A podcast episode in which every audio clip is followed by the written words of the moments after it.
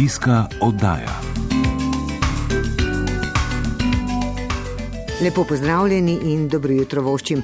V današnji oddaji bomo predstavili proizvajalca zanimivih kisov Erika Bajca iz Vrhpolja. Vas spomnili, da je potrebno do 15. junija oddati vloge in izjave o uveljavljanju podpore za prestrukturiranje vinogradov. Začenjamo pa z nasvetom glede setve Ajde. Z nami je svetovalka, specialistka za poljedelstvo pri Kmetijsko-gozdarskem zavodu Nova Gorica Anka Poženel. Prav lepo pozdravljeni. Lepo zdrav. Pred časom smo imeli sušo in takrat smo govorili, kaj to pomeni za žita, kakšno je stanje. Zdaj bi pa že skoraj da lahko rekli, da imamo močo. E, gospa Boženilova, kakšno je zdaj stanje, kaj ugotavljate? Je to kaj narobe? No, za pšenice in za tritikale je ta dež, eh, ker je bila, bilo že spet suho, kar dobrodošel. Ječmeni pa, ki so že v, ča, v fazi zorenja, pa sem že zdaj opazila, ko sem se dol vozila, da je kašen tudi polegel. Se pravi, dež v zmernih količinah, ja, zdaj, če bo pa zelo veliko, bo pa to moteče. Nikoli za... ni prav. Nikoli ali ga je prav. premalo, ali ga je preveč, Tako. upajmo, da ga ne bo preveč. Zdaj pa kajdi, kakšno žito je ajda, kakšne zahteve ima in kdaj je seveda čas za setov. No, ajda spada med žitarice, eh, čeprav je botanično spada v drugo skupino, ne kot eh, med trave, kot ostala žita, kar je seveda ugodno za vrstenje eh, oziroma vključitev v kolobar, ker jo lahko sejemo po vseh žitih ozimnih, pa tudi recimo po spravilu zgodnega krompirja. Torej, ajda je, kar se tiče aminokislinske sestave, zelo popolno živilo, vsebuje tudi antioksidante, tudi cela rastlina za čaj je zelo priporočljiva, skratka, bi rekla, zdravilna žitarica. In ne pašajo in temperature na 30 stopinj, ker takrat upočasni nastavljanje cvetov. Torej, sedaj nastopa pravi čas za setev ajde, čeprav je veliko dilem, kdaj ajdo sejemo. Če jo sejemo spomladi, po 1. maju, takrat eh, zraste zelo visoko in pocvita, se pravi, zelo neenakomerno dozoreva. Tako setev priporočamo mogoče čebelarjem, ki eh, koristijo ajdo kot čebeljo pašo. Eh, za pridelek pa je boljše sejati ajdo nekje okrog 15. junija, tako da v skali okrog 21. torej po 21.6. In takrat bolj enakomerno zori, oziroma tudi cveti najprej in potem enakomerno zori. E, tako da je večji pridelek. Torej to, to so povzročile tudi podnebne spremembe, ker sicer ajdo lahko sejemo tja do konca julija, če so primerne vremenske razmere. Skratka, prihaja čas setve ajde. Vedno je potrebno pripraviti, ustrezno pripraviti tla. Kakšne so potrebe ajde po hranilih, katera hranila potrebuje za rast in dozorevanje? No, kar se tiče priprave tav, ne mara pretežkih zbitih tav, zbiramo tudi nive, ki niso zapleveljene s trajnimi koreninskimi pleveli, ker sicer korenine ajde izločajo izločke, ki preprečujejo kalitev semenskih plevelov. Drugače, kar se tiče hranil, je zelo skromna, saj tudi pridelki so tam tona do dve tone, a ne to je že velik pridelek. Tako da rabi nekje 50 kg dušika, 50 fosforja in 50 kalija v rastni dobi. Če je e, založeno stav velika, včasih ni niti potrebno e, gnojenje, e, mogoče na bolj siromašnih tleh, e, dognojevanje običajno ni potrebno. Poznamo zagotovo več sort uh, ajde. Ja, imamo pravzaprav v Sloveniji nekje pet sort na voljo. E, mogoče še kar se tiče setve, torej sejemo z žitno sejalnico nekje 60 do 90 kg semena na hektar. Sorte so Darja, Bambi, Čebelica, Črnagorenska in Siva Dolenska. E, medonosne so Bambi, Čebelica in Črnagorenska. Medtem ko Darja je zelo odporna na sušo, ampak ne medi in ravno tako siva dolenska, ki je pa sicer tudi manj odporna na sušo. Mogoče še besedo o tem, o sami žetvi. Torej, najprimernejši čas za žetev je, ko dobi dve tretjini zrnja sive barve oziroma ko potemni. Eh, nekatera zrna seveda ne bodo še eh, zrela in eh, takrat je potrebno tudi kombajn primerno urediti s podaljšano mizo, da poberemo čim več pridelka. Gospanka, katere sorte recimo se priporoča za ta primorski prostor, denimo? Ja, zdaj, če ne, torej sorta čebelica je še kar odporna na sušo in tudi medovita, tako da jaz se, se mi zdi ta sorta zelo primerna za primorsko. Koliko imamo ajde na primorskem, imate morda ta podatek? Pravzaprav zelo malo, mogoče tam do 20 hektarov, posamezne manjše nive. Problem je v tem, da so te podnebne spremembe in ta vročinski val že v juniju, pa potem v juliju, in ne odgovarja več tako kot mogoče v preteklosti. Ker je vseeno rekla, ajda, eh, kultura zmernejšega, ne, ne mara tako vročih, vročih dni. Tako da eh, potem je manjši pridelek. Ne? Tako da nažalost. Ajde, na primorskem ne domuje. Tako, žal, eh, mogoče v nekaterih zaprtih dolinah, recimo, mogoče Ilirska bistrica postojna, drugače pa je res eh, to veliko ovira za, za mal boljši pridelek. Če skleneva, torej prihaja čas, ajde tisti, ki jo imajo, ki jo bojo sejali, kdaj jim priporočate, glede na vse te vremenske razmere zdaj. No, zdaj bomo videli pač koliko potem dežju, ko bo omogočeno spravilo žit ali pa krompirja, ne, eh, takrat. Eh, upamo seveda tudi na to, da ne bo prevroče poletje. Anka Poženel, najlepša hvala za te nasvete glede ajde, za katero ste povedali, da je pač izjemno dragoceno žito.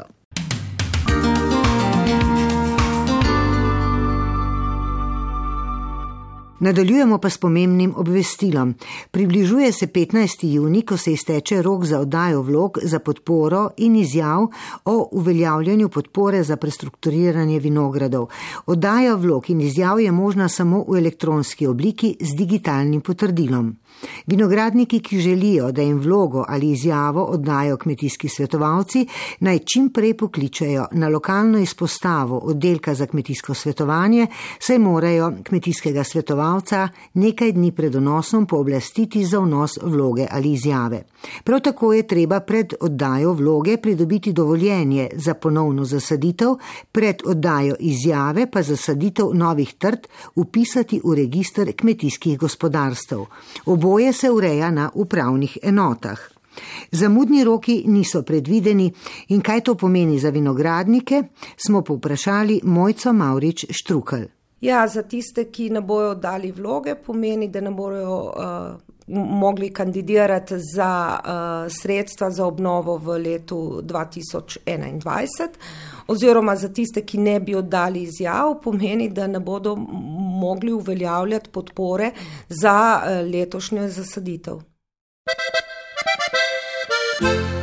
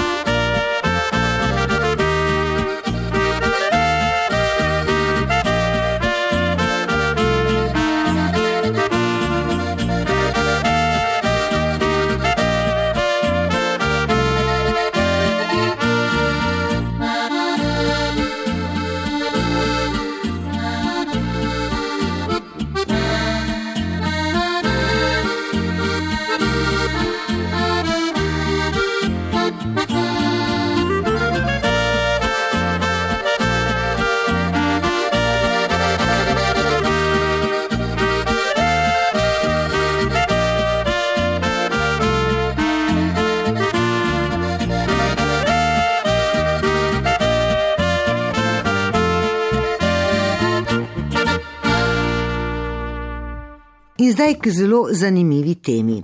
V vsakem gospodinstvu sodi med osnovna živila in daje jedem posebno svežino. Večinoma poznamo vinski in jabolčni kis, a ta je lahko veliko več kot le preliv za solato, sredstvo za vlaganje domače zelenjave ali naravno čistilo. Ta začimba v visoki kulinariki pridobiva vedno večjo veljavo. To je že pred leti ugotovil Erik Bajc iz Vrhpolja, ki je kis povzdignil na višjo raven. Namesto jabolk je denimo uporabil kakije. Začel je razmišljati o novih in drznejših okusih ter jih združil v znamko Skisanc. Obiskal ga je Boštjan Simčič. Vsak kis je zgodba zase in vsak okus nas popelje v drugačno smer, pravi Erik Bajc iz Vrhpolja, ki se s pridelavo botičnega kisa Skisanc ukvarja že sedem let. Njegova kisla pravljica se je začela tako. Začelo se je zdaj sedem let nazaj. Okoliščine te pripeljejo, da pač, ko imaš družino, začneš razmišljati malo bolj širše o zdravju, o, o samih stvareh, ki jih zaužiješ. In tako v bistvu smo uporabljali tiste jabke, katere so vsako leto šle v neč in smo v bistvu proizvedli prvi jabolčni kis. In s tem se v bistvu pri prebiranju literature oziroma pač člankov o kisu razširila ideja.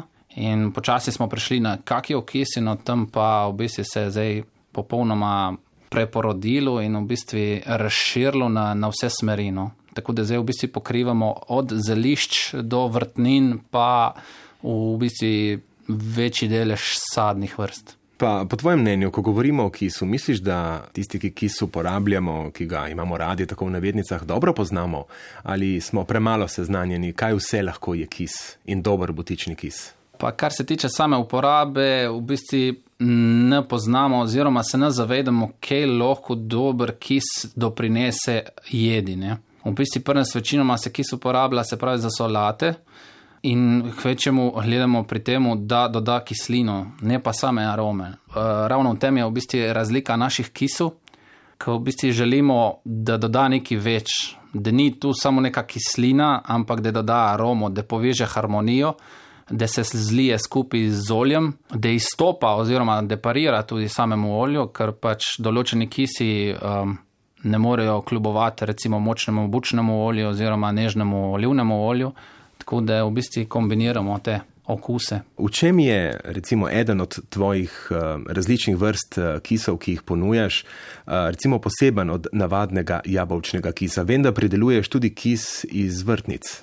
Ja, v bistvu imamo, se pravi, imamo sadne kise, ki v bistvu je osnova sadja.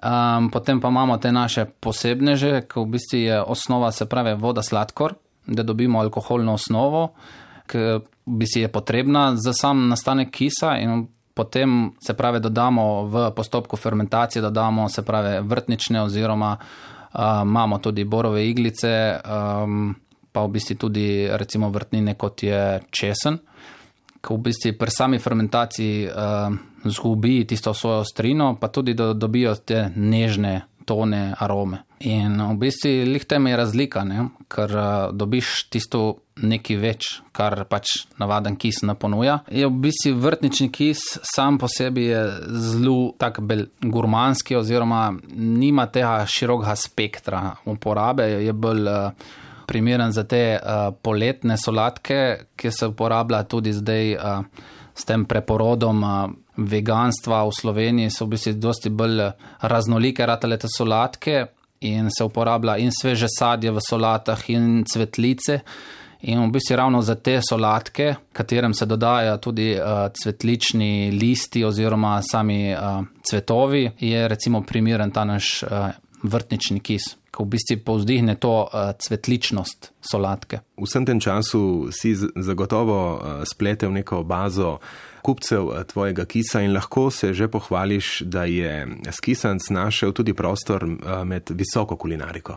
Ja, v bistvu naš kis je v bistvu v letu dni časa, v bistvu odkar podjetje obstaja, smo v bistvu že prispeli do uh, vrhunskih kuharjev v Sloveniji, se pravi, pokrivamo oziroma smo dobavitli um, ospejani rož, potem smo dobavitli, se pravi, Jakobu Pintarju v Tabarju. Zdaj nekako se še dogovarjamo še za nekatere druge, ker zaenkrat so še skrivnost. Tako da v bistvu ja, imamo te potrditve iz visoke kulinarike, tako da pač smo na pravi poti oziroma delamo prav produkt in uh, dober produkt. Pa se pri vas doma morda zglasijo tudi, uh, recimo temu tako, čisto normalni uporabniki, ki si samo želijo popestriti svojo solato? Pa na tem v bistvu nas čaka še veliko dela, no?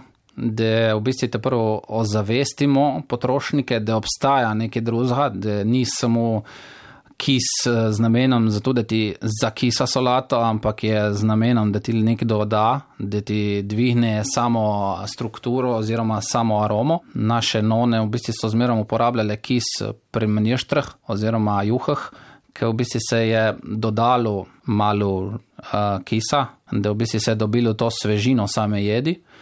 Moramo, moramo pravi, razširiti to zaveščenost o dobrem kisu, oziroma da sploh obstaja neki drugega razen tevi, se pravi, jabočni vinski oziroma tevi umetni balzamični, ki v bistvu so same um, spojine. In kar je najpomembnejše, sadje in vse sestavine, ki jih dobite, so domače, slovenske in iz Vipavske doline. Tako je, ja, v bistvu večino sestavin se pravi, nekaj nabiramo sami po pobočju nanoza, v bistvu to je naš eh, bor, ki je najbolj eh, naš specifičen oziroma naš uh, glavni produkt. Ostalo, kar se tiče sadja, pa večino nakupimo, um, se pravi, od lokalnih kmetov, večinoma tudi sami naberemo z, z dveh razlogov. Ena je cenovna. Druga je pa v bistvu, da dobimo res svežo surovino, oziroma od časa nabiranja pa do časa predelave minem uro ali dve in s tem ohranjamo um, svežino oziroma se nam ne sprožijo neželeni postopki, tako da v bistvu peljemo že od štarta, ki so pravo smer in ni, nima potem, v bistvu tudi končni produkt nima neželenih uh, arom oziroma neželenih uh, tvorb.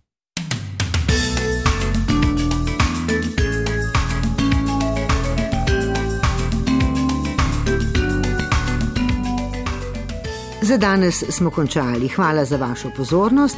Ingrid Kašca Bucik vam želim lepo nedeljo in teden do ponovnega snidanja. Oddajo najdete tudi na naši spletni strani.